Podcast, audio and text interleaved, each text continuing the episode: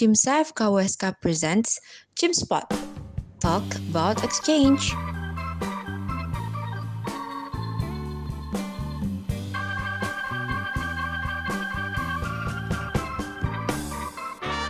Halo Cimsa, selamat datang di podcast kedua kita yang merupakan salah satu rangkaian dari event Cimsa kita, Exchange the World atau ETW. Gimana nih kabarnya? Welcome back to our second episode of ETW Cimspot podcast by Cimsa Universitas Syah Kuala. Di podcast kita kali ini, kita bakalan ngobrol lagi nih seputar exchange yang tentunya bersama aku, Sukma Ayu Dinda Haryani, member of Cimsa Universitas Syah Kuala um, topik kita pada hari ini itu nggak jauh-jauh beda nih dari topik kita sebelumnya yang mengenai use your change, get your exchange yang berkhusus ke arah research exchange nih teman-teman. Dan tentunya aku nggak sendiri nih, aku ditemenin sama kakak yang udah expert banget, yang udah ahli banget di bidang ini nih, ada namanya Kak Karen Lolin Handari. Selamat datang Kak Karen di podcast Halo, kita. Halo semua, terima kasih banyak. Salam kenal semuanya. Halo Kak Karen, salam kenal Kak Karen. Jadi uh, for information nih teman-teman tadi sebenarnya ada kesalahan teknis, jadi kita ulang lagi. Gak apa-apa ya Kak Karen? gak apa-apa, gak apa-apa. Oke, berarti kita uh, mulai dulu nih uh, Kak Karen. Tak kenal kan Mbak Kata Sayang nih. Uh, Kak Karen mungkin bisa memperkenalkan diri lagi nih Kak Karen ke pendengar kita karena kan uh, pendengar kita pengen tahu lagi nih Kak Karen tuh siapa sih gitu Kak. Oke, boleh-boleh. Halo semuanya, salam kenal. Nama aku Karen Lolin Handari, biasa dipanggil Karen. Aku mahasiswi kedokteran tahun ketiga dari Universitas Pajajaran dan juga former outgoing Kimsa untuk Story Exchange ke Polandia. Salam kenal semuanya. Salam kenal Kak Karen. Kak Karen kira-kira lagi akhir-akhir ini aku ngeskripsi sih sibuknya karena kan udah tahun ketiga ya jadi sambil kuliah sambil harus ngeskripsi juga. Jadi ya lumayan lah. Gak apa-apa kita jalanin aja lah ya. Wah keren banget nih guys. Udah aktif organisasi udah ngurusin skripsi. Semoga skripsinya cepat uh, selesai ya kak. Kita doain ya Amin. Nah Kak, um, tadi kan kita kita kan berbicara tentang research exchange yang tadi kakak udah jelasin juga nih. Kak kan kakak tadi ke Poland ya kak? Iya betul. Nah, mungkin uh, dari pendengar kita nih pengen tahu research exchange yang kakak lakuin tuh kayak gimana sih kak? Terus kayak um, pengen tahu juga lebih banyak mengenai oh ini apa sih bedanya sama uh, professional exchange yang kemarin juga kita sempat sama Bang Agung nih Kak ada podcast juga. Nah, apa sih bedanya gitu sih Kak? Oke, boleh-boleh. Ya, jadi um, aku itu kemarin exchange di tahun lalu 2021 tepatnya di bulan Juli ke Poland. Nah, mungkin perbedaan dengan Scopy Exchange atau professional exchange itu sangat besar ya karena kalau di Score Exchange ini kita prinsipnya seperti ikut penelitian yang uh, sedang dilakukan oleh dokter atau profesor atau dosen di sana gitu. Nah, jadi uh, kemarin aku ikut penelitian dari Departemen Farmakologi, di mana mereka itu lagi nguji uh, sebuah obat untuk melihat uh, hubungannya antara obat tersebut uh, dengan dopamin dan juga uh, proses uh, perkembangan memori gitu sih. Nih kak, kan tadi kan kakak mention tentang uh, kakak kepilih departemen nih kak. Semua pengen tahu nih kak, kan tadi kakak ngomong kalau kakak masuk ke departemen farmakologi ya kak. Nah, pengen tahu nih uh, departemen apa aja sih yang ada di research exchange ini atau per negara itu berbeda kah atau gimana nih kak? Iya, jadi um, kalau misalnya di Skopi kan kita pilih buat departemen di rumah sakitnya ya. Sama sih kalau di Skori juga kita nanti pas kita uh, daftar, bukan daftar sih, pas kita ngisi uh, dokumen-dokumennya, kita akan memilih juga departemennya. Sebenarnya bukan memilih departemen, tapi lebih ke memilih topik tapi nanti di topik itu ada keterangannya uh, dari departemen apa. Keterangannya misalnya itu dari histologi atau dari farmakologi. Jujur aku nggak tahu sih, sepertinya uh, tiap negara berbeda dan tergantung bulannya juga ya apa yang available di negara tersebut pada bulan itu gitu topik-topiknya dari mana aja. Jadi uh, lebih ke memilih topik. Tapi pada saat itu aku pilih topiknya kebetulan dari farmakologi. Oh gitu kak, berarti kita kayak dikasih kebebasan gitu ya kak bisa pilih topik-topiknya yang nanti menjurus ke bidang-bidang itu ya kak ya? Iya betul. Kalau nggak salah sih, seingat aku kita pilih tiga topik. Setelah itu sama sih kita uh, nulis motivation letter lagi. Kenapa kita mau di topik itu? Misalnya uh, apakah kita udah ada pengalaman di bidang histologi atau terkait topiknya gitu. Nanti kita cantumin di motivation letternya dan baru nanti diumumin deh keterima di uh, topik apa dan dari departemen apa gitu. Oh gitu kak. Nah, berbicara tentang motivation letter nih Kak. Sebelum itu, Sukma tarik lagi nih ke awal nih Kak. Sebenarnya um, motivasi dari Kak Karen sendiri untuk ikut exchange itu gimana sih Kak? Sebenarnya apa sih yang jadi pemantik Kakak untuk kayak fix aku mau exchange nih gitu Kak? Jadi pertama itu kan uh, aku lagi yang ikut ini ya Cimsa Gat Newbie itu yang kaderisasinya untuk masuk ke Cimsa. Nah di situ kan uh, diperkenalkan ya sko-skonya, terus sampai ke Skopi dan Skori yang memperkenalkan uh, tentang exchange ini. Nah aku langsung tertarik banget di awal itu bahwa wah ada ya ternyata exchange yang khusus buat mahasiswa kedokteran gitu karena kan uh, kalau dari yang aku tahu kesempatan-kesempatan exchange di perkuliahan itu rata-rata sebagian besar uh, umum ya. Jadi um, apa namanya nanti bidang atau ketika kita di sana studinya ya dari bidang lain yang bukan kedokteran atau kita malah uh, mungkin lebih general lagi kayak cuman kultural gitu. Nah, tapi di yang ditawarkan oleh Cimsa ini khusus untuk mahasiswa kedokteran dan aku sangat tertarik. Nah jujur awalnya aku tertariknya kopi sih, tapi karena aku waktu itu masih tahun pertama kan eh, nggak bisa ya untuk daftar kopi karena syaratnya kan harus minimal tahun ketiga kan atau sudah klinik gitu.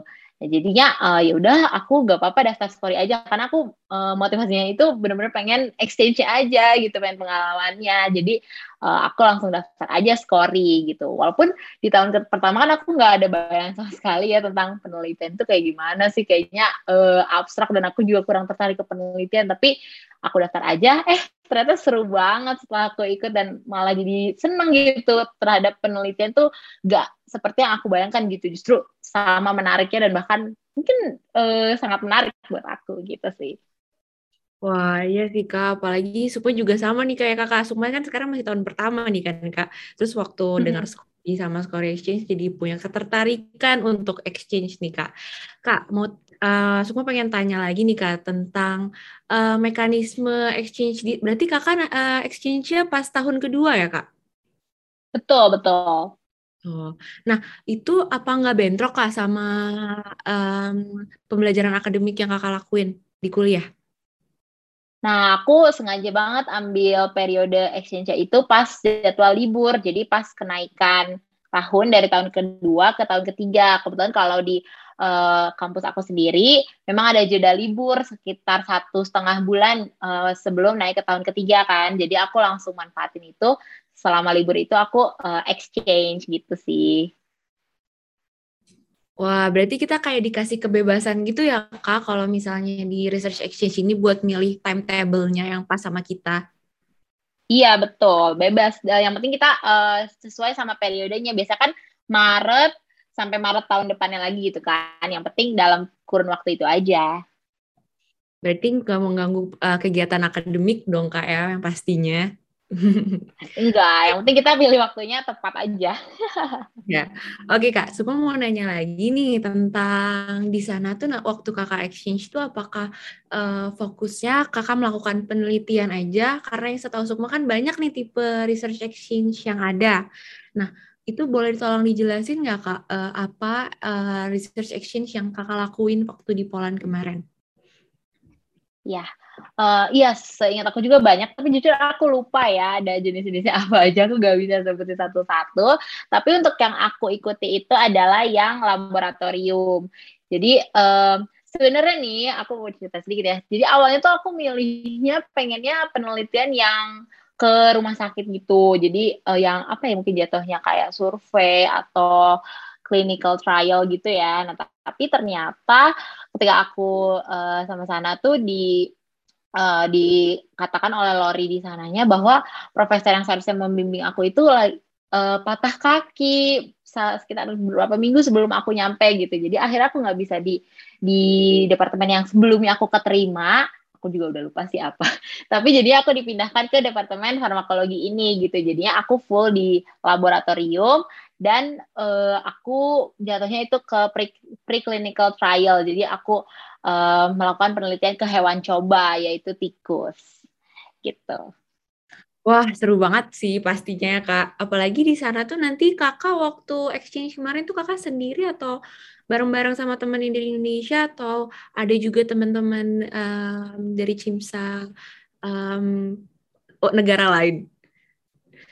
Uh, ya, aku awalnya aku kira aku sendiri ya, tapi ternyata aku bersyukur banget sih aku keterimanya bareng sama teman dari kampus aku juga dari Universitas Pajajaran dan satu angkatan. Jadi kita sama-sama keterima di Polandia dan di kota yang sama dan research projectnya juga sama gitu. Jadi aku bareng sama dia berdua. Wah, syukur banget sih Kak itu. Tapi kayak uh, berarti uh, waktu Kakak uh, penelitian itu um, uh, ada pendamping pendamping dari Polandnya atau kayak gimana nih kak? Mungkin bisa diceritain kak? Iya ada, jadi uh, ada tutornya gitu, namanya Profesor Pavel. Itu uh, profesor yang setiap hari membimbing aku, tapi di atas dia ada profesor lagi yang memang jadi profesor yang membimbing aku itu juga ikut turut serta membantu penelitian yang merupakan uh, penelitiannya si profesor yang di atasnya lagi gitu. Nah itu ada lagi, tapi untuk profesor yang di atasnya itu itu jarang membimbing kami. Paling hanya satu kali per dua minggu atau dua kali dua kali per dua minggu gitu ketemu kami. Jadi uh, yang setiap hari membimbing kami hanya beliau satu satu profesor gitu. Oh mengenai uh, penelitian tadi nih kak. Kan tadi kakak juga sempat mention tentang types of research yang awalnya kan kakak mau um, clinical iya. trial yeah. gitu kan kak, terus jadi di laboratorium. Nah sebenarnya nih kak uh, dari awal kita di uh, pendaftaran itu kan kakak juga udah terpilih nih, udah masuk juga. Sebenarnya awalnya itu kakak ada persiapan hal persiapan-persiapan apa yang kakak udah siapin gak sih kak buat research exchange ini sebenarnya pas pas waktu sebenarnya waktu awal banget nggak ada sih karena aku mikirnya ya udahlah gimana nanti aja gitu ya. Paling yang mempersiapkan ya hanya mempersiapkan dokumen-dokumen yang diperlukan aja yang uh, wajib dari kimsanya gitu dan memilih topik-topiknya gitu. Nah setelah aku keterima di topiknya sih jujur aku awalnya mau membaca lebih lanjut gitu ya terkait topik yang aku keterima tapi uh, aku males karena itu uh, apa namanya aku exchange itu setelah ujian gitu kan setelah ujian selesai dan libur. Jadi aku uh, fokus waktu itu ke ujian dulu kan jadi nggak terlalu banyak mempersiapkan untuk exchange-nya. Eh tapi ya untung aja sih. Soalnya kan ketika di sana ternyata aku berubah departemen juga gitu ya uh, sebenarnya nggak harus ada persiapan khusus juga menurut aku karena sampai di sana kita benar-benar diarahin banget sih sama uh, profesor atau tutornya gitu jadi kalaupun kita belum pernah misalnya waktu itu kan belum pernah memegang hewan coba ya jadi kita diarahin betul-betul dari awalnya diperkenalkan alat-alatnya cara uh, handle hewannya ataupun cara handle alat-alat di laboratoriumnya gitu jadi uh, di sana aja deh kita belajar dan sekaligus tanya-tanyanya gitu. Oh gitu ya Kak. Dan ini juga bisa ini nggak sih Kak? Nanti tuh uh, kan kalau Sukma nggak nggak salah, um, nanti kan kalau skripsi itu kan ada yang eksperimental. Terus ini bisa bantu buat skripsi juga nggak sih Kak? Atau gimana itu Kak? Nah, mungkin ada ya di beberapa universitas yang bisa, tapi kalau di Universitas Pajajaran uh, di kampus aku sendiri sih nggak bisa. Jadi nggak uh, berhubungan sih sama skripsi gitu. Tapi aku seneng bangetnya karena ketika aku udah selesai uh, research project di sana itu, profesor yang membimbing aku bilang bahwa nama aku dan nama teman aku yang sama-sama ikut research uh, exchange di sana itu katanya mau dimasukin ke co-author jurnal mereka yang nanti akan dipublish setelah penelitiannya selesai gitu. Which is seneng banget ya ketika aku denger itu. Hah, bayangin aja nama aku sebagai mahasiswi kedokteran di Indonesia tahun kedua pula. Tapi bisa tercantum di co-author sebuah jurnal dari negara lain, dari Polandia gitu kan. Jadi keren banget menurut aku itu juga um, apa ya se sebuah advantage yang luar biasa gitu dari exchange ini. Iya sih kak, itu keren banget sih kak. Kalau misalnya apalagi kakak waktu itu tahun kedua, jadinya kayak wow banget sih. Iya. Nah, iya, iya kan. Suka pengen nanya nih kak, ini tuh sebenarnya pertanyaan yang pasti ditanyain sama para pendengar kita nih, apalagi yang punya interest lebih ke research exchange.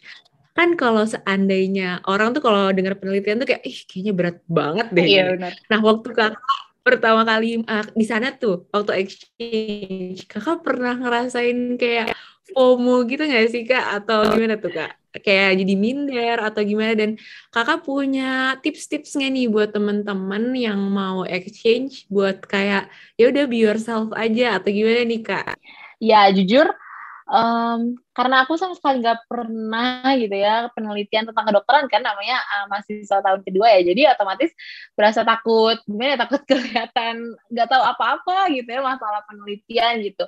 Tapi ternyata pas uh, ditanya sama profesornya ya aku jawab aja kalau memang aku misalnya nggak tahu atau aku belum pernah gitu. Dan ketika di sana aku melihat alat-alat yang baru pertama kali aku lihat atau uh, aku apa namanya pegang gitu ya. Aku tanya sama beliau aja gitu sebanyak-banyaknya gitu ini buat apa? Ini gimana? gitu. Yang penting uh, kita bertanya sebelum kita uh, apa namanya melakukannya atau megang-megang alat gitu. Dan uh, tetap ikutin arahan dari mereka juga gitu. Selama kita uh, aktif bertanya dan kita ikutin sesuai arahan mereka menurut aku uh, fine fine aja kok nggak nggak harus minder gitu. Karena memang di kita belajar juga gitu justru jadi banyak dapat ilmu baru dengan kita uh, apa namanya ikut research exchange ini dan malah aku jadi kayak sejak itu jadi eh penelitian is not so bad juga gitu seperti yang dipikirin aku sebelumnya Wah, iya sih Kak. Yang penting tuh yang, yang penting pede nggak sih Kak sebenarnya? Iya benar, benar banget, benar. Nah, kira-kira di sana tuh uh, seumuran sama kita semua atau kayak uh, gimana tuh Kak? Um, kalau teman-teman dari IFMSA Polandia rata-rata seumuran, tapi ada juga yang uh, udah tahun keempat waktu itu. Terus kan uh, ketika aku di Polandia itu juga ada outgoing lain ya yang dari negara-negara lain yang Skopi. Jadi mereka ada juga yang udah tahun keempat, tahun kelima gitu.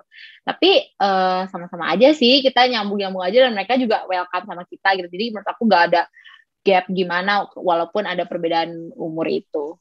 Wah, ini sih ini bisa mungkin sama teman-teman pendengar juga bisa dinotet nih kalau seandainya uh, kita yang penting berani aja nggak sih kak terus juga uh, pokoknya mau ekspor diri sendiri juga nggak sih kak untuk iya, mulai benar.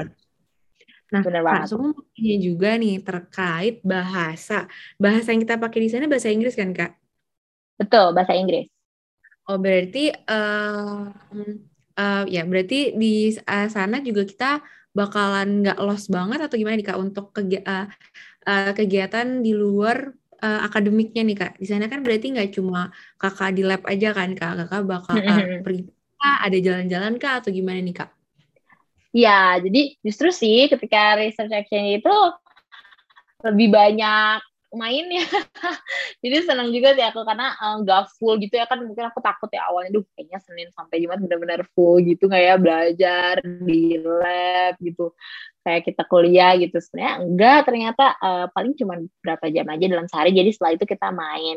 Nah untuk bahasa menurut aku gak ada kendala sih kalau di negara aku ya di Polandia dan mereka pun rata-rata baik. Teman-temannya yang dari FMC Poland tutor aku. Itu semua uh, fasih juga berbahasa Inggris.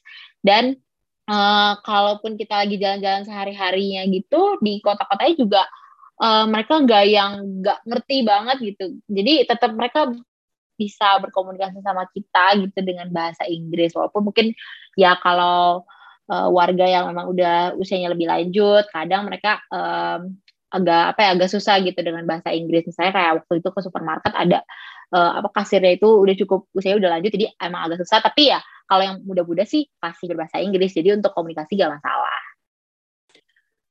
Oh ya, berarti alhamdulillah sih Kak kalau kayak gitu karena kan banyak teman-teman yang kayak mereka takutnya uh, aku takutnya aku harus belajar bahasa Poland nih atau uh, bahasa lokal orang sana nih kan uh, dia yeah. mungkin agak ini ya agak takut juga ya Kak ya kalau kayak gitu. Iya. Nah, Kak, um, Suka mau nanya nih terkait uh, kakak waktu kemarin tuh tinggalnya apakah di apartemen atau di asramanya atau gimana nih kak?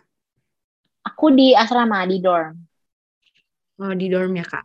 Nah, Mm-mm. em, terkait eh, boleh nggak sih Kak eh, diceritain nih Kak kegiatan Kakak selama di sana eh, akademik dan non akademiknya itu Kakak apakah eh, kalau misalnya nggak ada pembelajaran Kakak ke mana atau sama diajakin sama Mau tahu kelanjutannya? Stay tune terus ya di Chimspot Talk About Exchange.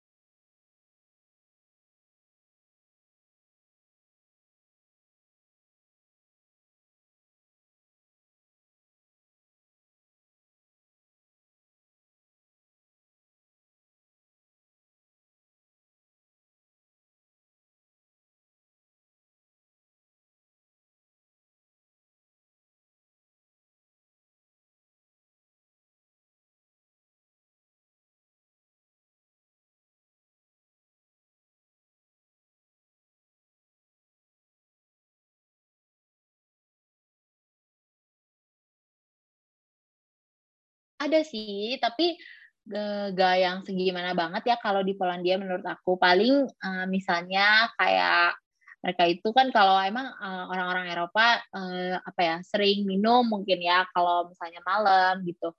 Termasuk anak-anak NMO-nya dan dari yang negara-negara lain itu juga kan ada yang dari Eropa lainnya seperti Italia dan uh, lain sebagainya itu juga mereka uh, memang sebuah hal yang lumrah untuk mereka minum um, minuman beralkohol gitu. Nah, tapi kan kalau kita di Indonesia ataupun di Asia kan apa ya apalagi di Indonesia ya itu kan uh, bukan budaya kita ya. Jadi ya udah sih menurut aku ketika aku diajak ya kadang aku kalau misalnya terlalu malam ya udah aku milih nggak ikut aja gitu. Tapi kalau misalnya nggak terlalu malam tetap ikut dan ya sampai di sana ya nggak usah uh, ikut minum gitu kita bisa pesan minum yang lain atau uh, makan yang lain gitu jadi prinsipnya kalau culture shock ya uh, kita tetap berpegang pada prinsip budaya kita dan uh, kebiasaan ataupun kepercayaan kita, tapi juga tanpa mengurangi rasa hormat kita terhadap budaya mereka gitu. Jadi mereka pun ya akan respect juga ke kita gitu sih.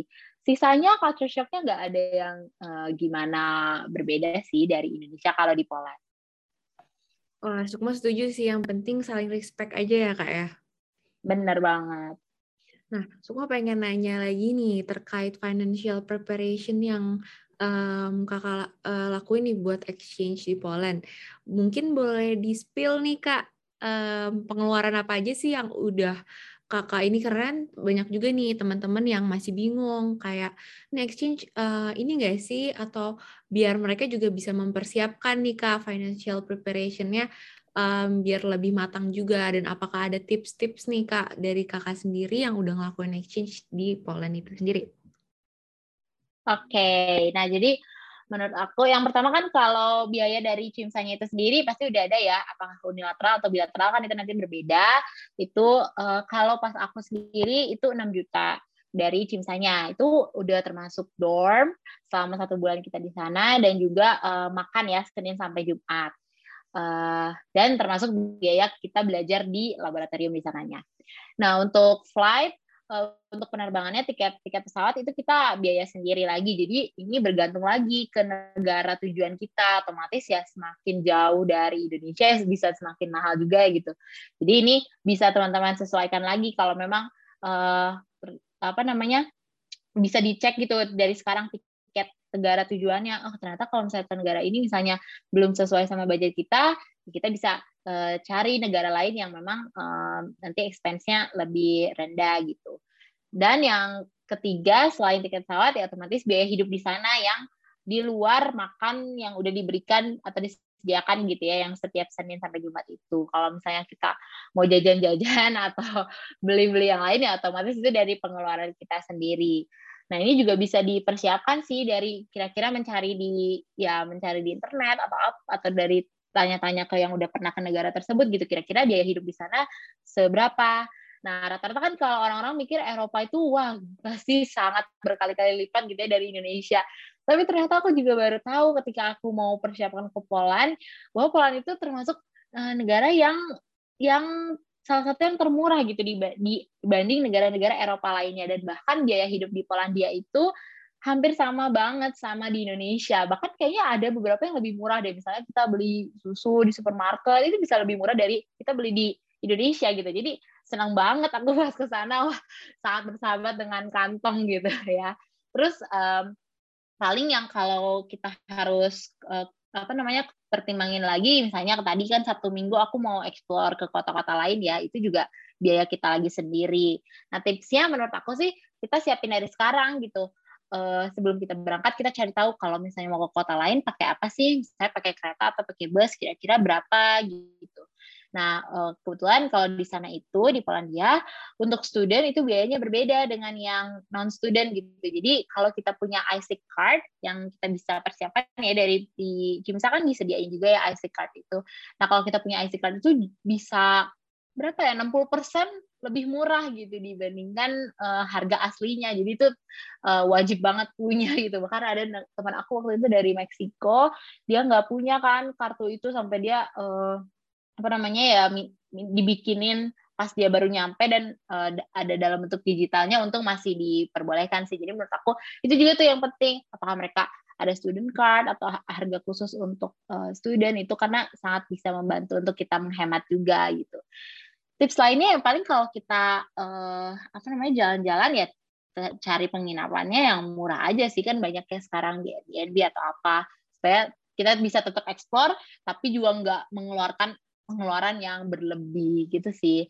Nah, paling uh, satu lagi adalah untuk biaya karantina waktu itu aku karena aku kan pas pergi itu masih ada regulasi karantina ya ketika di Indonesia. Jadi karena waktu aku nggak memilih di Wisma, jadi ada biaya tambahan lagi yang aku harus keluarkan untuk karantina. Tapi kalau sekarang kan sejauh ini regulasinya udah nggak perlu karantina lagi ya ketika kita pulang dari luar negeri ke Indonesia. Jadi ya itu bisa menghemat lagi sih gitu kalau mau di spill paling uh, pengeluaran total selama satu bulan itu dari tiket dan segala macam termasuk biaya ya oleh-oleh segala gitu ya sampai karantina terus uh, yang aku keluarkan sekitar uh, 30 30 juta gitu.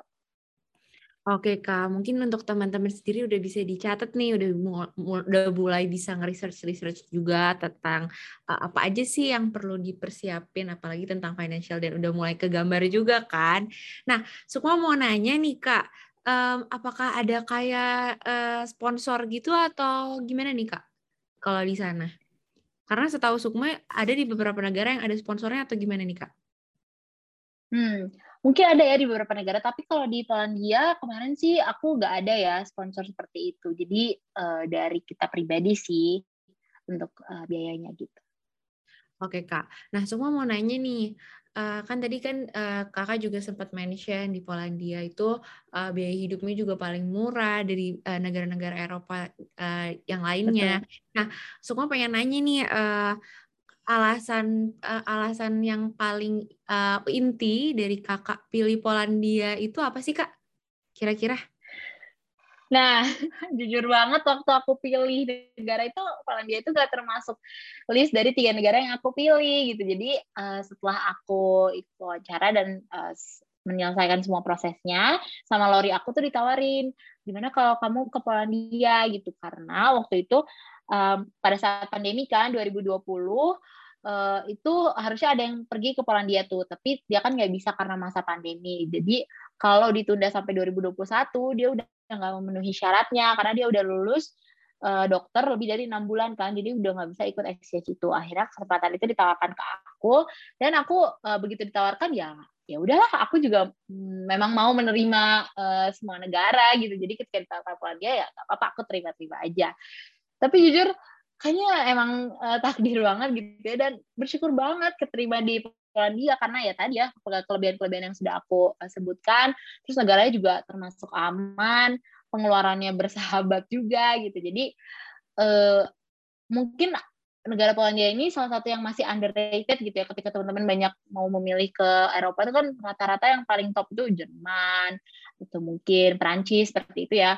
Dan Polandia itu jarang dipilih tapi menurut aku Polandia itu uh, benar-benar apa namanya wajib banget nih jadi salah satu list kalian dalam memilih negara. Karena tadi biayanya murah terus kotanya juga gak kalah bagus sama mungkin eh, kota-kota lain di eh maaf negara-negara lain di Eropa gitu. Dan uh, suasananya dan orang-orangnya juga ramah banget. Aku suka sih di Polandia gitu. Wah iya sih Kak, semua juga jadi tertarik nih ke Poland. Nah Kak, semua pengen nanya nih, pengalaman paling seru yang Kakak alamin selama waktu exchange Kakak kemarin tuh uh, apakah dari uh, dari penelitiannya dan juga dari yang non akademiknya mungkin bisa diceritain nih kak pengalaman paling seru yang kakak alamin. Oke, okay. kalau dari sisi akademik di penelitiannya yang paling seru adalah handle hewan coba karena kan sebagai mahasiswa tahun kedua belum pernah ya memegang tikus dan melakukan penelitian kedokteran. Jadi situ aku diajarin gimana cara handle-nya, aku diajarin cara injeksi obat ke tikus, lalu kita observasi tikus itu di kayak maze gitu untuk penelitiannya itu seru banget menurut aku. Dan profesor aku baik banget karena walaupun penelitian kita di tikus dan itu waktu itu dikasih satu hari untuk kita uh, apa namanya diikutkan ke penelitian temen dia yang lain gitu. Di mana dia itu lagi menelitinya ke embrio ikan. Jadi benar-benar kecil banget kayaknya sebiji beras gitu embrio ikan itu. Dan aku baru pertama kali lihat terus di situ aku belajar gimana cara mindahin embrio ikan dari uh, dari apa namanya well atau tabungnya gitu ke cawan petri untuk kita observasi di bawah mikroskop. Aku belajar hitung denyut jantung embrio ikannya, lihat morfologi si embrio ikannya gitu dan uh, apa namanya perkembangan jantungnya itu seru banget menurut aku. Dan pengalaman yang kayaknya aku nggak dapetin deh sebagai mahasiswa tahun kedua kalau di Indonesia gitu. Jadi aku senang banget. Untuk non akademiknya yang paling seru itu adalah ketika eh, jalan-jalan sih yang Sabtu Minggu itu keluar sama teman-teman dari outgoing negara lain. Nah di situ karena kita semua kan namanya mahasiswa dan kita semua mau menghemat ya. Jadi kita tuh benar-benar pesan tiketnya tiket uh, keretanya itu ya yang apa namanya kelas yang ya ya otomatis gak VIP ya karena VIP itu kayaknya bisa berapa kali lipat harganya. Nah tapi kalau di sana tuh ternyata sistem pemesanan transportasinya beda ya sama di Indonesia. Kan kalau di Indonesia misalnya kereta itu udah full book ya udah nggak bisa dipesan lagi gitu kan ya. Karena udah nggak dapat kursi. Nah kalau di sana tuh masih bisa. Jadi ketika kita pesen ya udah kita tiket kita dapat ternyata itu benar-benar rebutan gitu sistemnya kalau yang bukan kelas VIP ya. Jadi kita begitu masuk kereta ya kayak siapa cepat dia dapat tempat duduknya. Terus kalau misalnya waktu itu kita nggak kedapetan tempat duduk jadi akhirnya kita ya udah ngampar di gerbong keret yang gerbong antar kereta itu yang tempat WC gitu di depannya WC ya udah kita ngampar di situ. Berapa jam ya? Kayaknya sekitar lima jam deh kita perjalanan dari kota lainnya itu. Tapi menurut aku seru banget ya karena lagi-lagi sama teman-teman dari outgoing kan jadi tetap jalanin bareng-bareng. Pengalaman ngehemat sebagai mahasiswa di negara lain gitu ya tapi tetap seru. Itu sih yang paling berkesan buat aku Wah, seru banget sih Kak. Apalagi kayak um, bisa Kakak juga jadi jadi masih hubungan kan Kak. Berarti sampai sekarang jadinya kita kayak punya iya, bener dari negara lain ya nggak sih Kak? Iya, keren banget ya. Jadi kayak punya temen dari seluruh dunia gitu ya. Iya bener banget sih kak itu asik banget sih. Nah kak Su mau nanya lagi, um, waktu kan tadi kakak sempat mention juga tentang um, kakak sempat bantu profesor temannya profesor kakak dalam melakukan penelitian. Mm-hmm. Aku pengen tanya, uh, nanti kan kita akan melakukan uh, research kan kan di negara itu. Nanti um, kita bakal nge-publish um, penelitian kita sendiri atau gimana sih kak sebenarnya mekanismenya?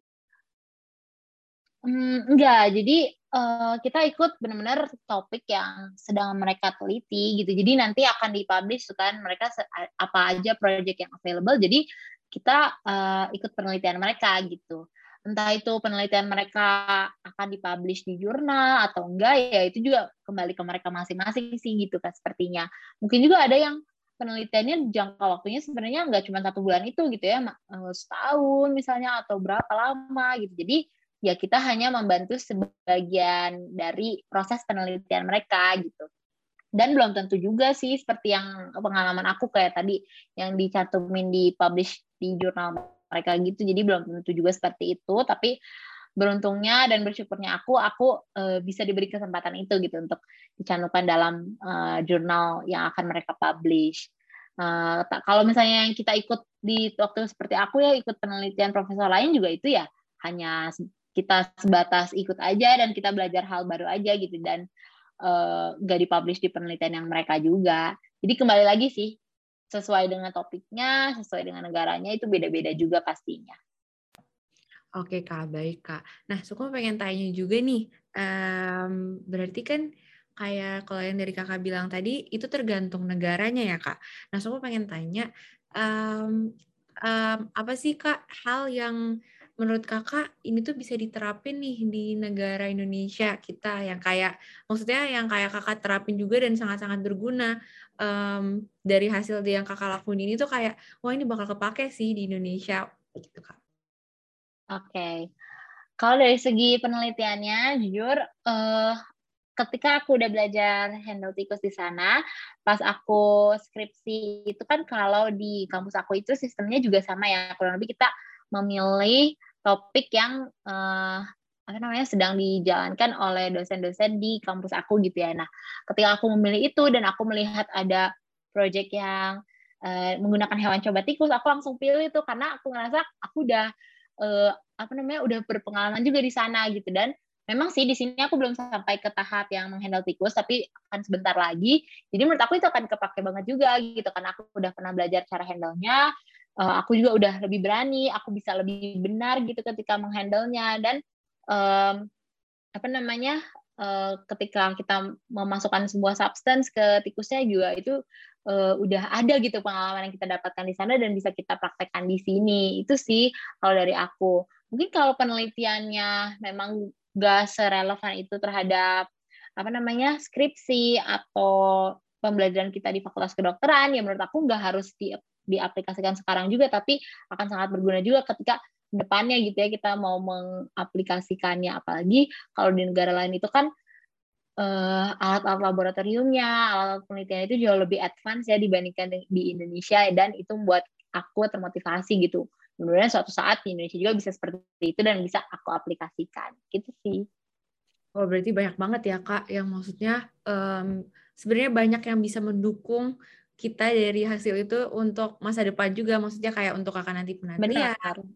Jadinya gitu sih kak. Nah so aku pengen tanya yes. juga suka duka yang kakak laku, uh, laluin selama exchange ini kemar exchange kemarin nih uh, apa sih? Dan kayak uh, mungkin kakak juga bisa kasih um, kasih apa ya mungkin sedikit uh, uh, apa ya sedikit pesan untuk para pendengar kita kalau uh, apa sih biar kayak mungkin tadi terkait FOMO yang penting kalian harus berani atau gimana nih kak?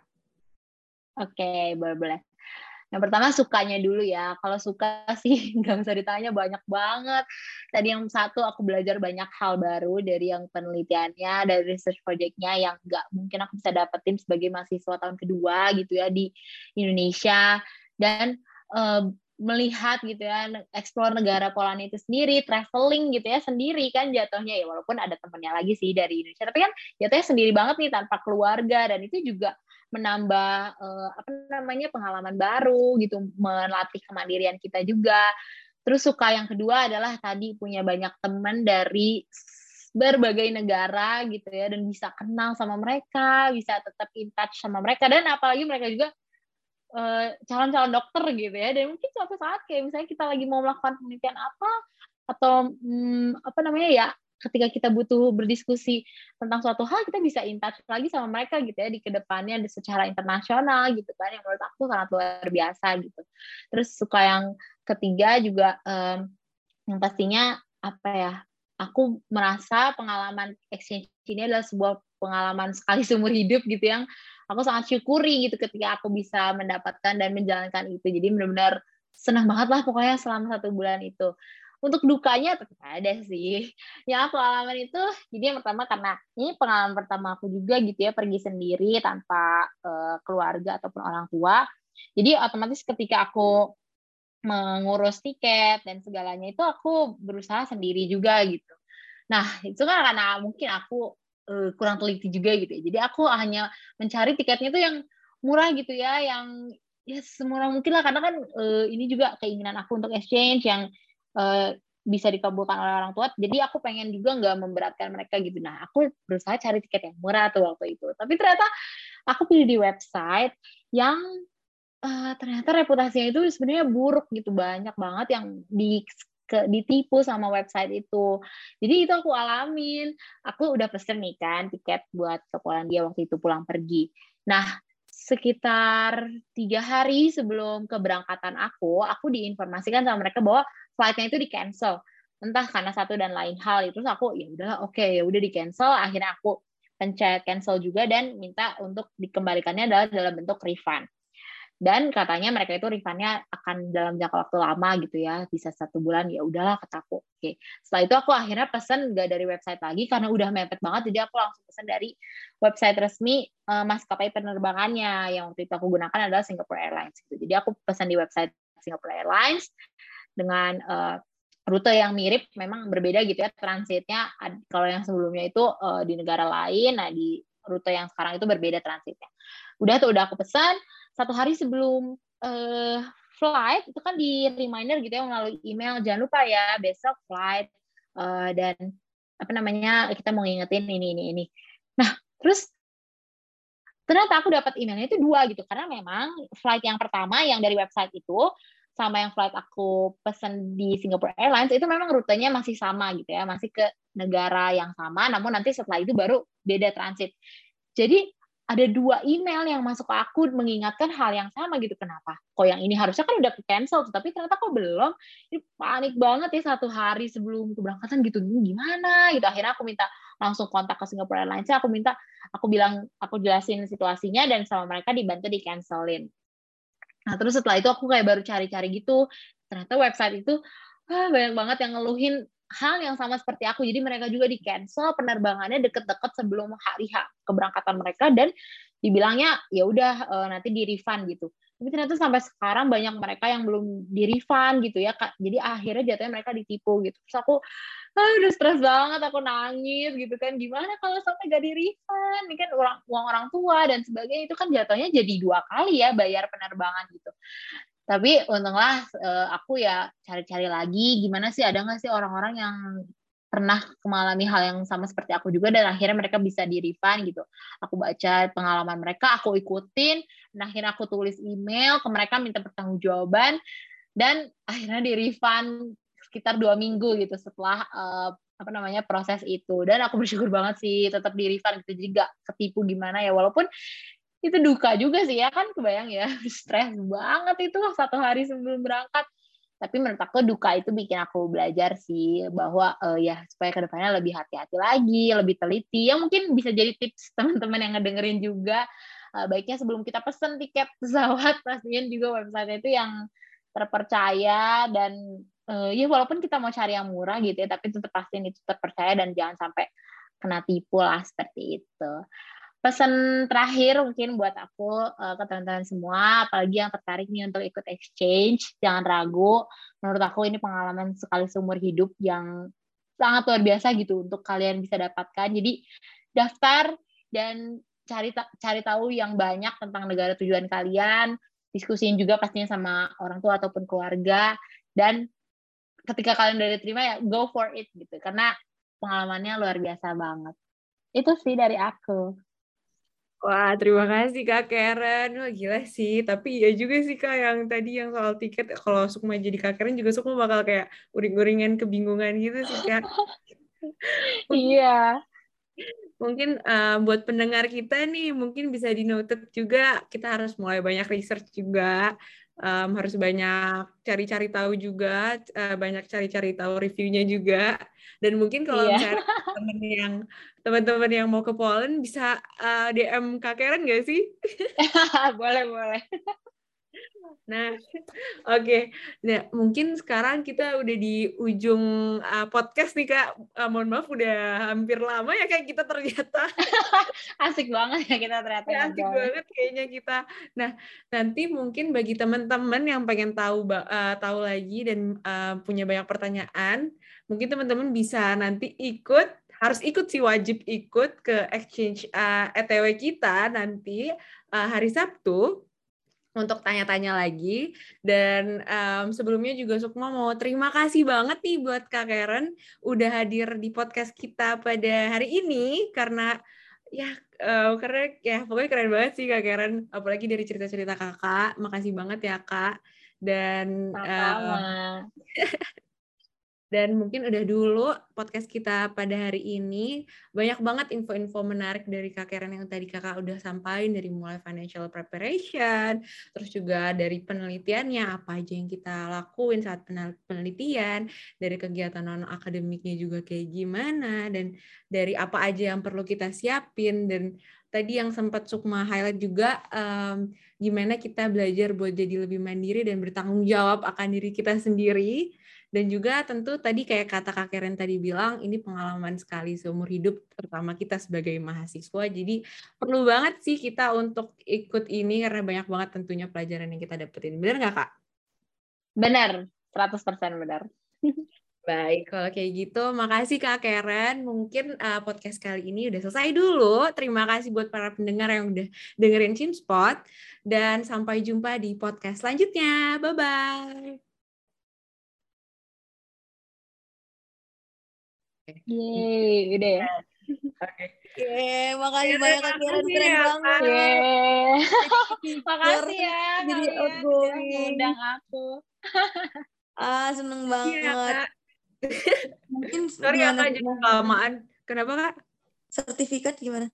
Oh iya, oh iya Kak, Eh, sebelumnya dari panitia kami sebagai tanda terima kasih kami ada sertifikat mungkin dari tim IT bisa di share screen.